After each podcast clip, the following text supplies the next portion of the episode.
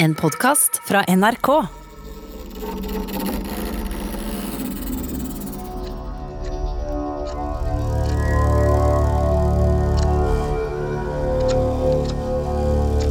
Det sitter en mann borte i Russland og spikker. Han sitter i en staselig hall, i en vakkert utsmykka stol. Men mannen er molefonken og trist og deprimert. Det er kongen av Norge. Syns han sjøl, ja, men det er ikke så mange andre som er enig i det. For han er en konge i eksil. Han er en konge uten land. Jaga bort av fiender. For en nedtur. Det er forsmedelig. Så han sitter borte i Russland og vannsmekter og lengter tilbake og spikker på en pinne. Med en tjenergutt ved siden av seg som står og heller et beger med vin for han. Da sier gutten I morgen er det mandag, herre. Og da kommer han på Herre Jesus, det er jo søndag. Og på søndager, da var det ikke bra å drive og spikke på pinner. Skulle ikke gjøre noe som ligna på arbeid da. Helligdagsfreden, det tredje bud. Så da samla kongen sammen alle småflisene han hadde spikka, fikk fyr på dem og holdt dem i hånda si til de hadde brent opp. Og det må jo ha gjort bra vondt, kan jeg tenke meg. Men så var han bra religiøs òg, ja, den kongen her. Han leika ikke kristen, nei. Det skal være sikkert.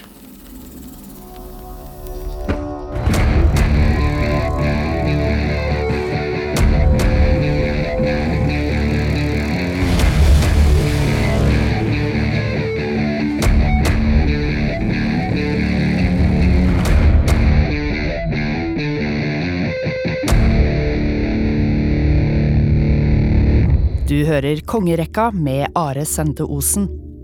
En podkastserie fra NRK om de norske kongene. Episode 9 Olav den hellige. Norges evige konge.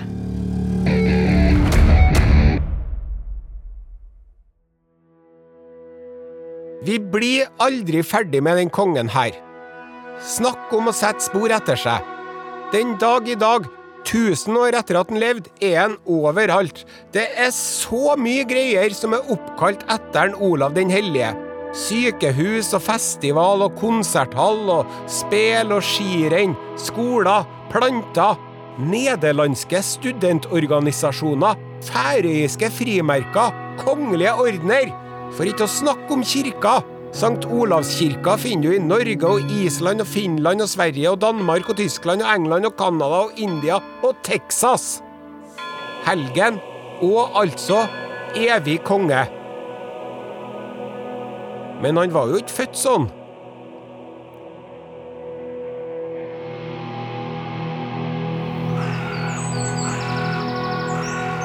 Faren til Olav døde før eller rett etter at han ble født, rundt år 995, sånn cirka. Så lille Olav vokste opp sammen med mora og stefaren sin på Ringerike.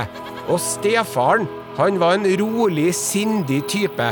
Småkonge og storbonde, men mer opptatt av å være bonde enn konge. Han trivdes best ute i åkeren, stefaren. Og mora til Olav, Åsta, hun mente nok at hun hadde gifta seg litt nedover den andre gangen. Så når Olav hadde lagt seg om kveldene, da, mistenker jeg, satt mora kveld etter kveld og snakka med gutten sin om hvor gjev kongsslekt han stamma fra, og at han var bedre enn alle de andre, og at han kom til å bli konge av hele Norge når han ble stor. Du er esla til noe stort, for du, Olav, husk på, du er arvingen til Harald Hårfagre sjøl, sa mora til lille Olav. Så var det en gang at eh, stefaren ville ut og ri, og alle tjenestefolkene var borte eller opptatt med noe annet, så han ropte på stesønnen sin, da, Olav, og ba han om å sale opp hesten for seg. Da gikk en Olav ut til geiteren og la salen oppå den største geitebukken han fant. Og da stefaren kom ut, sto Olav der og holdt i bukken og glisa. Vær så god, liksom. Da sa stefaren, vi er ganske forskjellige, jeg og du. Du er nok mye mer storlynt enn meg, og jeg skjønner at du ikke liker at jeg ber deg om å gjøre meg noen tjenester. Og det hadde han rett i, han stefaren, for Olav og stefaren, de var forskjellige.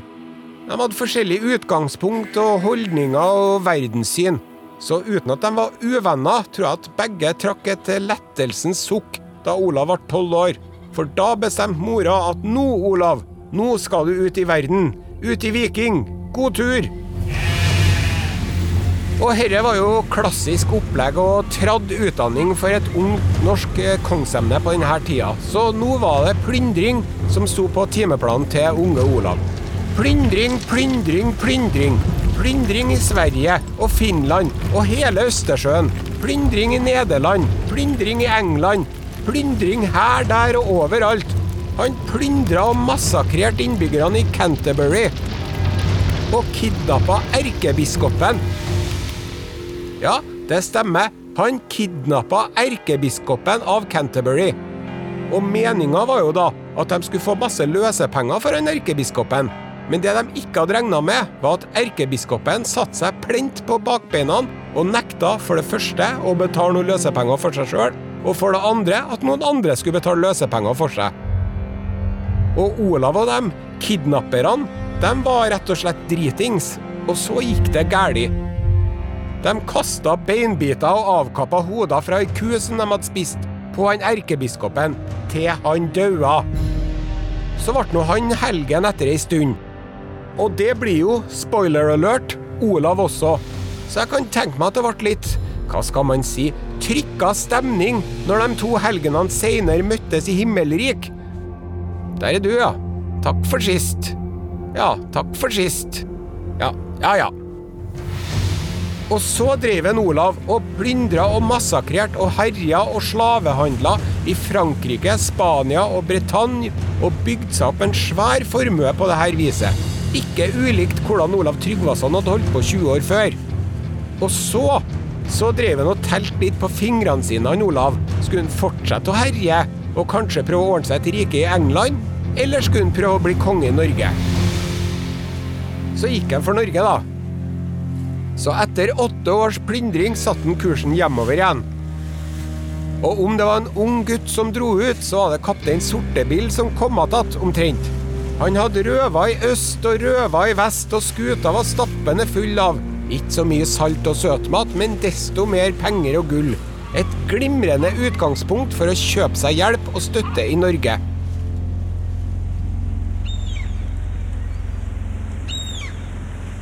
Han Olav han kom til Norge en høstdag i 1015 med to skip. Og den som styrte over Norge da, det var den unge Håkon Jarl, bare 17 år gammel. For faren hans, Eirik Jarl, den forrige styreren av Norge, han hadde for av gårde for å hjelpe danskekongen å erobre England.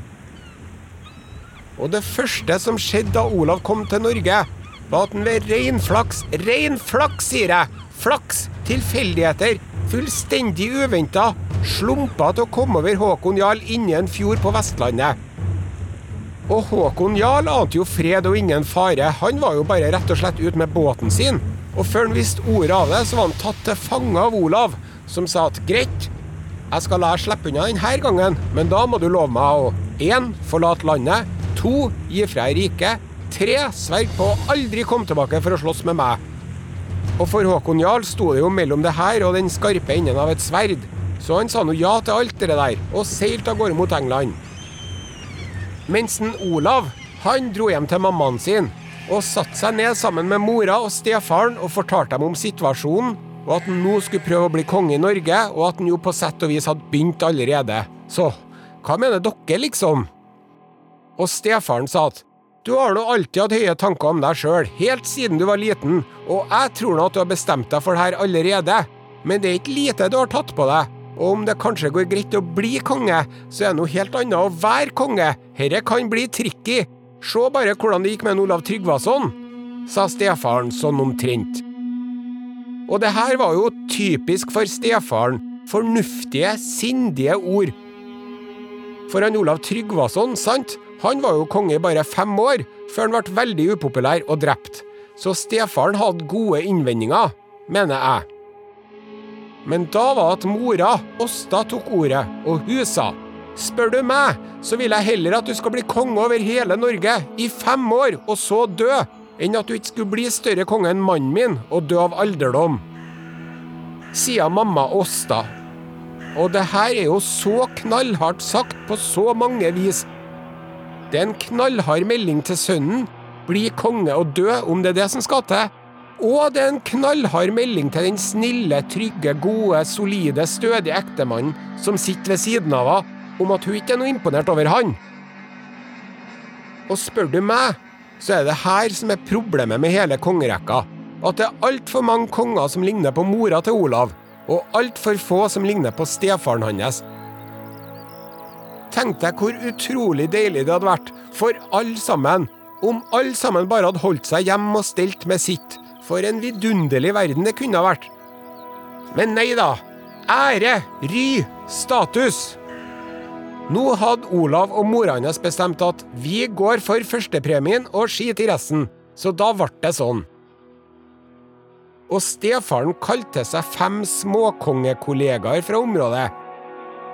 Kong Rørek og kong Ring fra Hedmark, kong Gudrød fra Gudbrandsdalen, og en konge fra Romerike og en konge fra Valdres.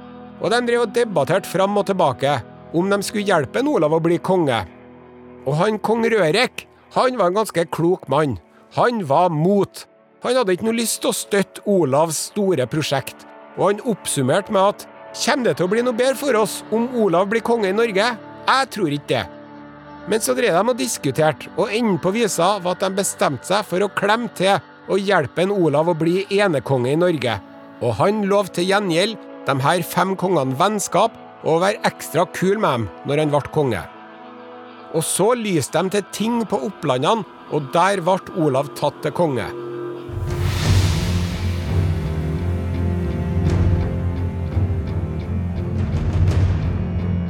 Og så dro han Olav rundt og kjempa mot eh, mektige stormenn ei stund, da. Og det var noe slag her og noe slag der, men det er ikke så veldig viktig, for han Olav, han vant. For det første så var han så stinn av penger at han kunne kjøpe seg venner, og for det andre så hadde jo han og mennene hans drevet og slåss rundt omkring i Europa de siste åtte årene, så de var garva og veltrente og rutinerte krigere, og rett og slett i en annen liga enn motstanderne sine. Så det gikk ganske greit, det der, faktisk. Og noen av stormennene som sto imot den, drepte den, og noen rømte til utlandet, og noen skifta side og godtok at nå var det Olav som var sjefen. Og nå, nå var Olav konge over hele Norge. Skal du høre hvordan han så ut? For en gangs skyld snakker vi om en konge som ikke var dritvakker. Og enda verre, han var bare middels høy, og det er jo et alvorlig minus når man skal være konge i Norge i vikingtida. Da skal man helst være et hode høyere enn alle de andre. Men han var svært tettvokst og kjempesterk.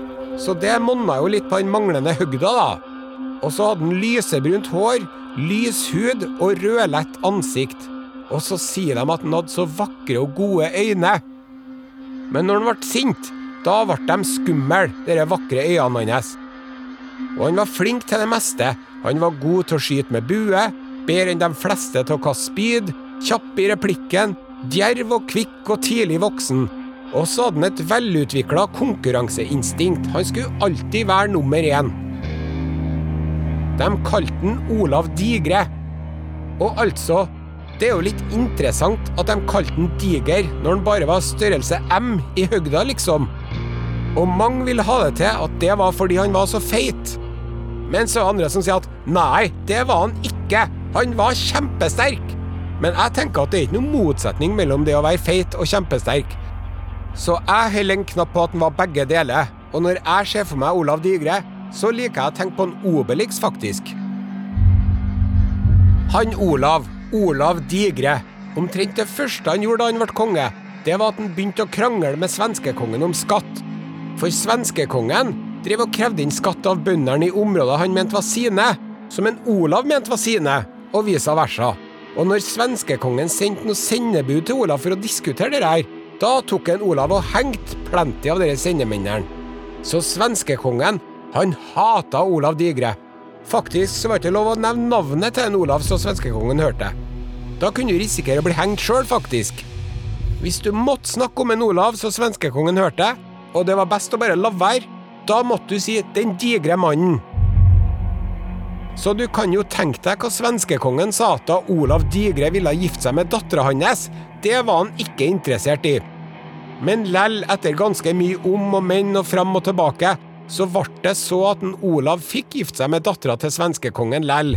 Ikke hun han egentlig ville ha, men ei anna datter, Astrid.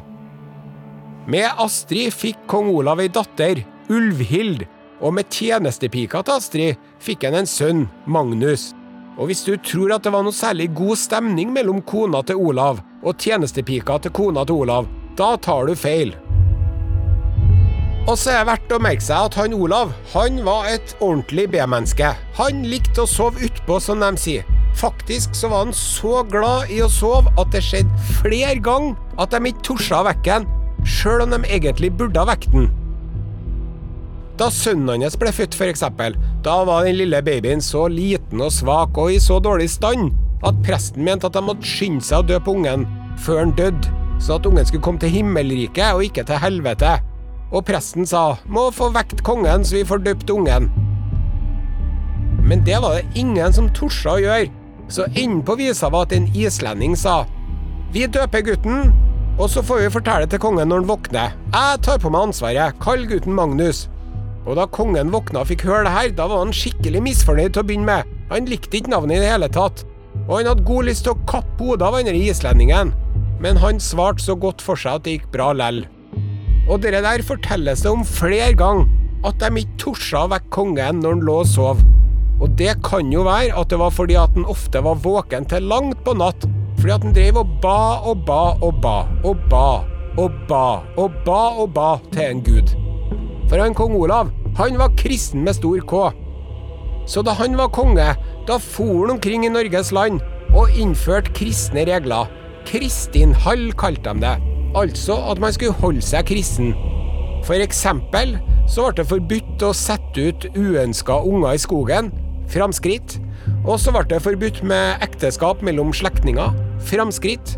Men viktigst av alt var at man skulle ikke tilbe andre guder enn Jesus. Det var bare Jesus som gjaldt. Og hvis folk ikke ville ta imot en Jesus, som er så snill og elsker deg og er kjærlighet, da kanskje de fikk kappa av seg hånd, eller en fot, eller fikk stukket ut øynene sine, eller vært hengt, eller halshogd. Og i hver bygd han for gjennom, satte han igjen en prest han hadde hatt med seg fra England. Og så var det at en kong Olav var på vei ned mot Opplandene igjen, på Østlandet. Og det var jo der det hele hadde starta, sant? For det var jo fem småkonger på Opplandene som hadde støtta han helt i begynnelsen.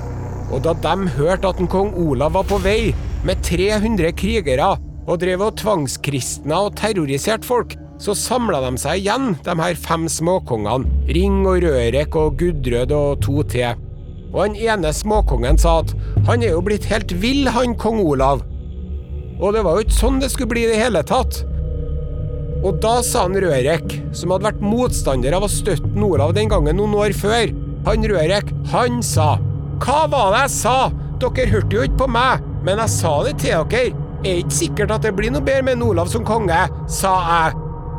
Men var det noen som hørte på meg? Nei. Men nå er det for seint, og det beste vi kan gjøre nå, det er å la han holde på, sa han Rørek. Men de fire andre småkongene var ikke noe interessert i det. De mente at nei, kom igjen, nå tar vi den. Og da sa han Rørek herre syns jeg er en dårlig idé, men hvis vi absolutt må gå imot en kong Olav, da må vi alle sammen vente her mens vi samler folk, så at ingen sladrer, for da sliter vi. Og det syns jeg var en god idé. Men så var det jo en som sladra, sant? Det var en fyr som lurte seg bort og for hjem og spiste kveldsmat, og så dro han og sa fra til en kong Olav. Nå skal jeg prøve å ta deg de fem småkongene på Opplandene. Og kong Olav heiv seg rundt og rodde gjennom natten, og dro til husene kongene sov i, og omringa dem.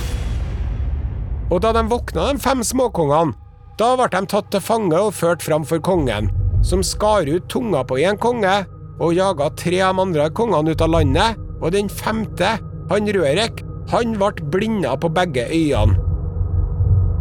Og han stakkars Rørek, jeg har sånn sympati og medynk for han.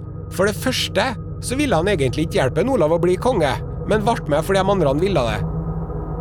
For det andre så ville han jo ikke gjøre noe opprør mot kong Olav, enda han hadde hatt rett hele tida. men så ble han med på det lell, fordi de andre ville det. Og så er det han som får stukket ut begge øynene sine.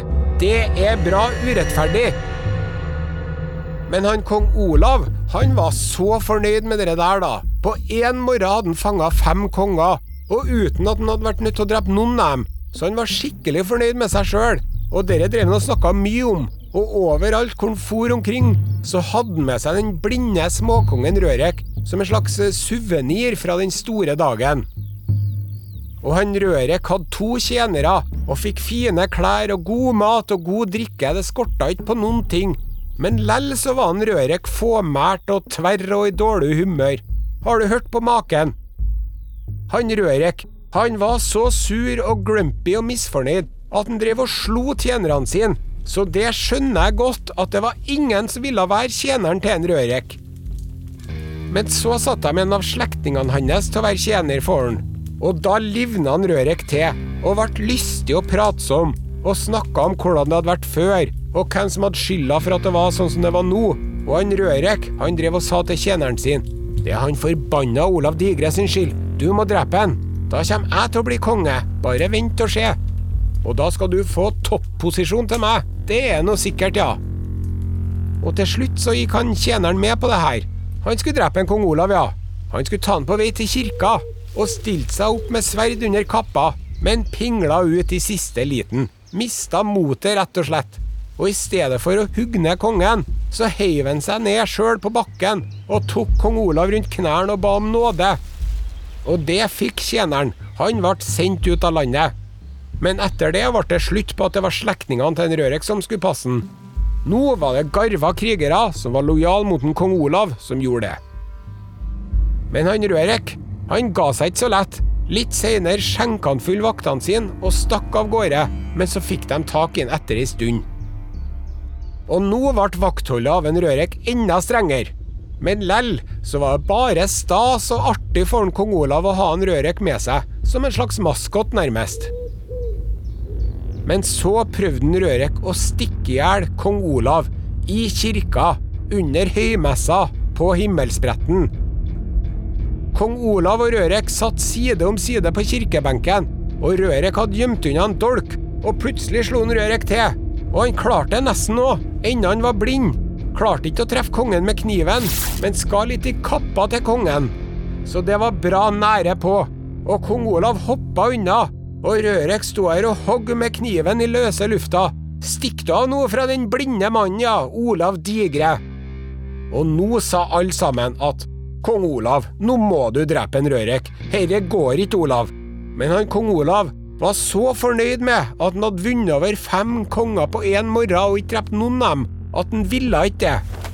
Men han skjønte jo han òg, at det kunne ikke fortsette på det her viset.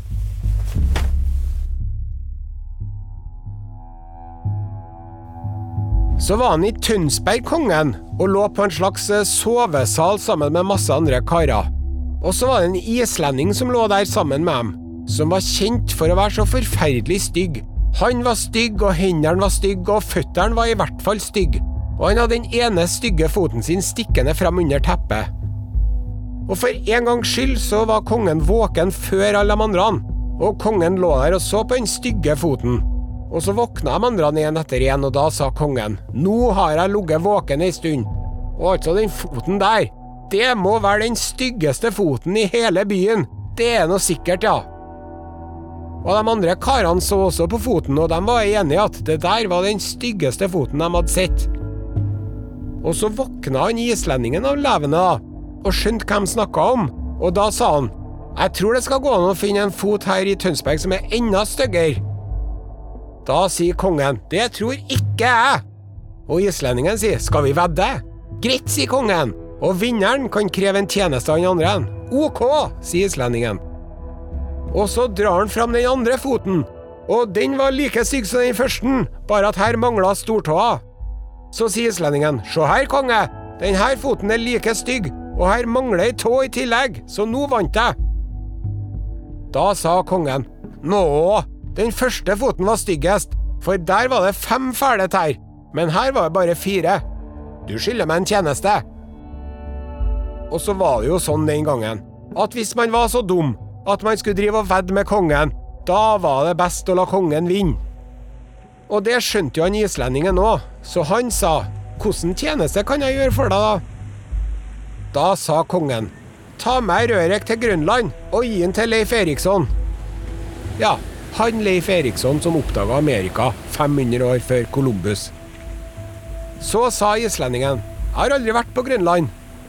Da syns jeg det er på tide, sa kongen. Og enden på visa var at han islendingen tok med seg Rørek til Island. Han skulle til Grønland, men kom seg ikke så langt. Og så satt han Rørek på Island i tre år, før han ble sjuk og døde.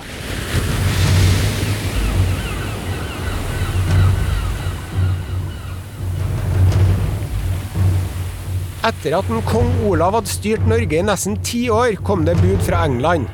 Det var den danske kongen Knut, som nå hadde full kontroll over både Danmark og England, og derfor nå ga beskjed om at Hei, Norge er mitt! Anerkjenn meg som overkonge! Ellers Men det var ikke kong Olav interessert i i det hele tatt. Han gidda ikke å være underkongen til noen. Og for å vise akkurat hvor lite interessert han var i å være underkongen til kong Knut, så samla han sammen en stor flåte med masse skip og mange menn, og så dro han til Danmark og begynte å herje. Og det gikk jo bra, det, ei lita stund, helt til en kong Knut borti England fikk høre om det, ja. For da tok jo han og samla sammen en enda større flåte, med mange flere skip og masse mer menn. Ja, og det som skjedde nå, det er for komplisert og rett og slett litt boring til å gå inn på i detalj. Men enden på visa, da, for å si det enkelt, var at en kong Olav, han måtte bare gi seg.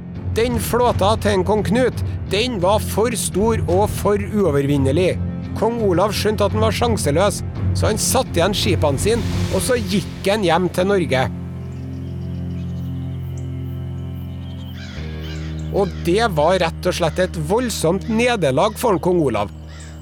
Han kom seg riktignok hjem til Norge, men seierrik, det var han ikke. Tvert imot. Og hele flåten hans var jo borte. Og nå, alle stormennene som enten hadde flykta eller gått over til hans side, nå kom de tilbake, eller bytta side igjen. Så nå var det blitt et stort lag mot en kong Olav. Og sommeren etter, da kom kong Knut til Norge med en stor flåte, og han hadde med seg nevøen sin, unge Håkon Jarl, han som hadde lov til å aldri komme tilbake igjen. Og kong Olav han skjønte at her er jeg sjanseløs igjen, så da stakk han av gårde og flykta til Russland, Gardariket. Og i Norge var det topp stemning. Kong Knut ble hylla som norsk konge. Men han var jo ikke noe interessert i å være der. Han var jo konge over to land til, både Danmark og England. Så han utnevnte nevøen Håkon Jarl til riksstyrer og for tilbake til England. Og han Olav, han hadde ikke noe artig i det hele tatt borti Russland, og lurte fælt på hva han skulle finne på nå. Og kongen i Russland foreslo at han kunne bli småkonge borti der, men han var ikke noe interessert i det. Og så lurte han på om han kanskje skulle dra til Jerusalem og bli munk der. Men det som han egentlig ville, det var jo å være konge i Norge. Men det gikk jo ikke. Så han satt nå borte i Russland og stura. Og spikka. Men så skjedde noe fantastisk. Og det var at Håkon Jarl, som var konge i Norge, han døde brått og uventa. Og da Olav fikk høre at Håkon Jarl var død, da tenkte han nå er Norge uten konge, nå har jeg sjansen. Og så dro han hjemover mot Norge, via Sverige, med de mennene han hadde, og samla til seg alle mennene han kunne underveis. En helt håpløs gjeng. Røvere og ransmenn og all slags banditter. Alle var velkommen. Og så for han til Stiklestad. Slaget ved Stiklestad 29.07.1030, kanskje norgeshistorias mest kjente slag, hvor kong Olav møtte bondehæren. Og ifølge Snorre så var det 7000 mann i bondehæren, og halvparten så mange i kong Olav sin hær, 3500. Men de tallene der, de er overdrevet. Og ikke bare overdrevet, men noe så gæli overdrevet. Nå mener de som har peiling, at kong Olav sin hær bestod av bare noen hundre mann som var en ganske sliten, dårlig utstyrt og stakkarslig gjeng, rett og slett. Så altså, Kan man egentlig kalle det slaget på Stiklestad? Burde det kanskje hett håndgemenge på Stiklestad? Ikke vet jeg. Men det som var, da, enten det nå var noen hundre eller noen tusen, så kom kong Olav og mennene hans til Stiklestad. Og da visste de at fienden nærma seg, så de fylka seg opp, som de sier, gjorde seg klar til kamp. Men så kom de jo aldri, disse bøndene. Og da sa kongen vi får sette oss ned og slappe av litt. Så gjorde de det. Hele hæren satte seg ned. Og kongen lente seg bakover og la hodet i fanget til kompisen sin. Og der sovna han. Etter ei stund så så de at bonderen kom og gjorde seg klar, og de var mange. Kompisen tok og vekte kongen litt forsiktig. Han sa, 'Herre konge, herre konge, nå er bonderen her.' Og da sa han kong Olav, 'Hvorfor vekket du meg? Du skulle ha latt meg drømme ferdig.' Og kompisen sa, 'Det var nå bra vekta. Se hvor nær bonderen er.' Men han Olav, 'Du skulle ha latt meg sove litt til.' Hva du drømte som var så viktig, da? Og da sa han kong Olav at jeg drømte at jeg så en høy stige som gikk opp i himmelen, og jeg begynte å klatre oppover den. Og jeg kom så langt opp at himmelen åpna seg, og så langt nådde stigen at han akkurat kommet til det øverste trinnet da du vekket meg. Så han kong Olav, han hadde hatt en drøm om ikke en stairway to heaven, men en stige. Da sa kompisen det der syns ikke jeg høres ut som noe bra drøm, nei. Og det var det jo ikke heller. Og så begynte slaget, og Olavs menn ropte Fram, fram, kristmenn, kongsmenn, korsmenn! Og den andre sida ropte Fram, fram, bondemenn! Så braka de sammen. Og for å gjøre en lang historie kort, så var det en blodig kamp, og folk døde overalt, ble stukket med spyd og piler, og slått av steiner og økser og hammere og sverd. Og det ble solformørkelse, ja. Det la seg en rød sky over sola, og det ble mørkt som natta, står det i Snorre. Og faktisk var det en solformørkelse det året. Men ikke den dagen slaget var. Ikke 29. juli 1030. Solformørkelsen inntraff én måned senere, 31. Men jeg kan jo skjønne at de i ettertid flytta på den hendelsen og pynta litt på den historien, for det hadde jo vært utrolig kult, da. Men i hvert fall, hvor var jeg hen? Jo, øksehogg og hammerslag og blodig nærkamp. Og så, til slutt, så var det en som hogg kongen med øks i venstrefoten, over kneet. Da lente kongen seg mot en stein bak seg og ropte ut Gud hjelpe meg!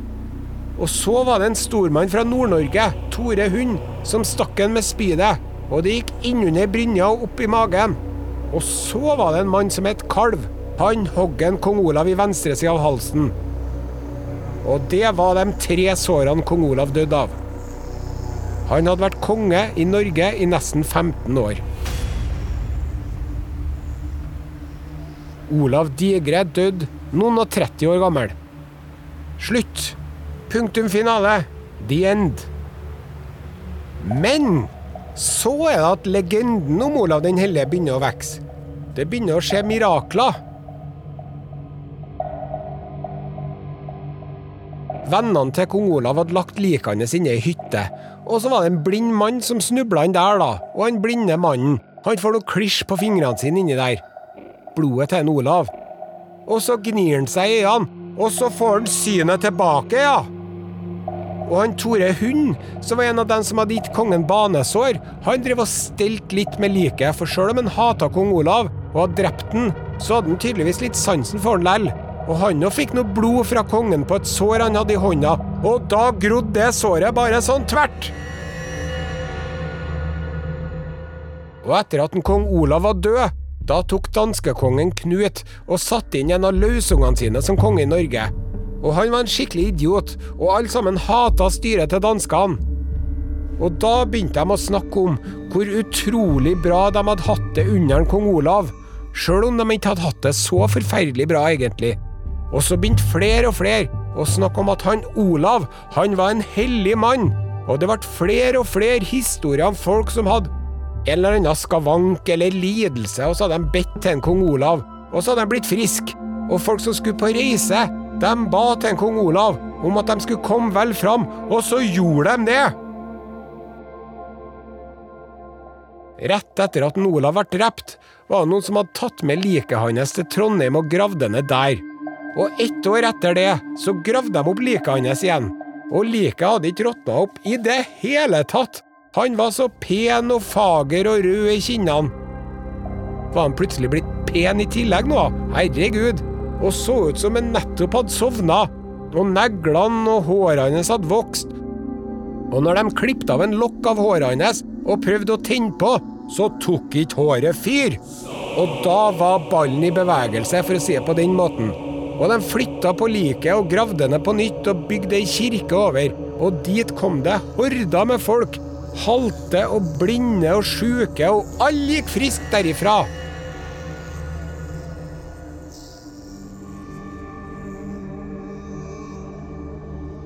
Olav Digre, kong Obelix, ble til Olav den hellige, en av de viktigste helgenene i Nord-Europa. Og den dag i dag så er han altså Norges evige konge. Han fikk æra for å fullføre kristninga og samlinga av landet. Riksløven hellig øksa til Olav fremdeles. Legenden om Olav den hellige har levd i tusen år. Det er historia om historia om Olav den hellige som står igjen. Og hvis det er en by i Norge i dag som ikke har ei gate som heter Sankt Olavs gate, ja, da er det ikke en ordentlig by, nei. Det er sikkert.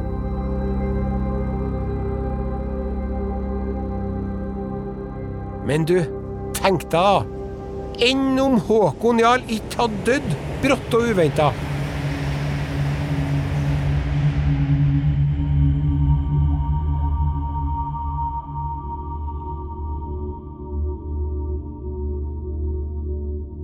Du har hørt Kongerekka, laga av Are Sende Osen og Ragnhild Sleire Øyen.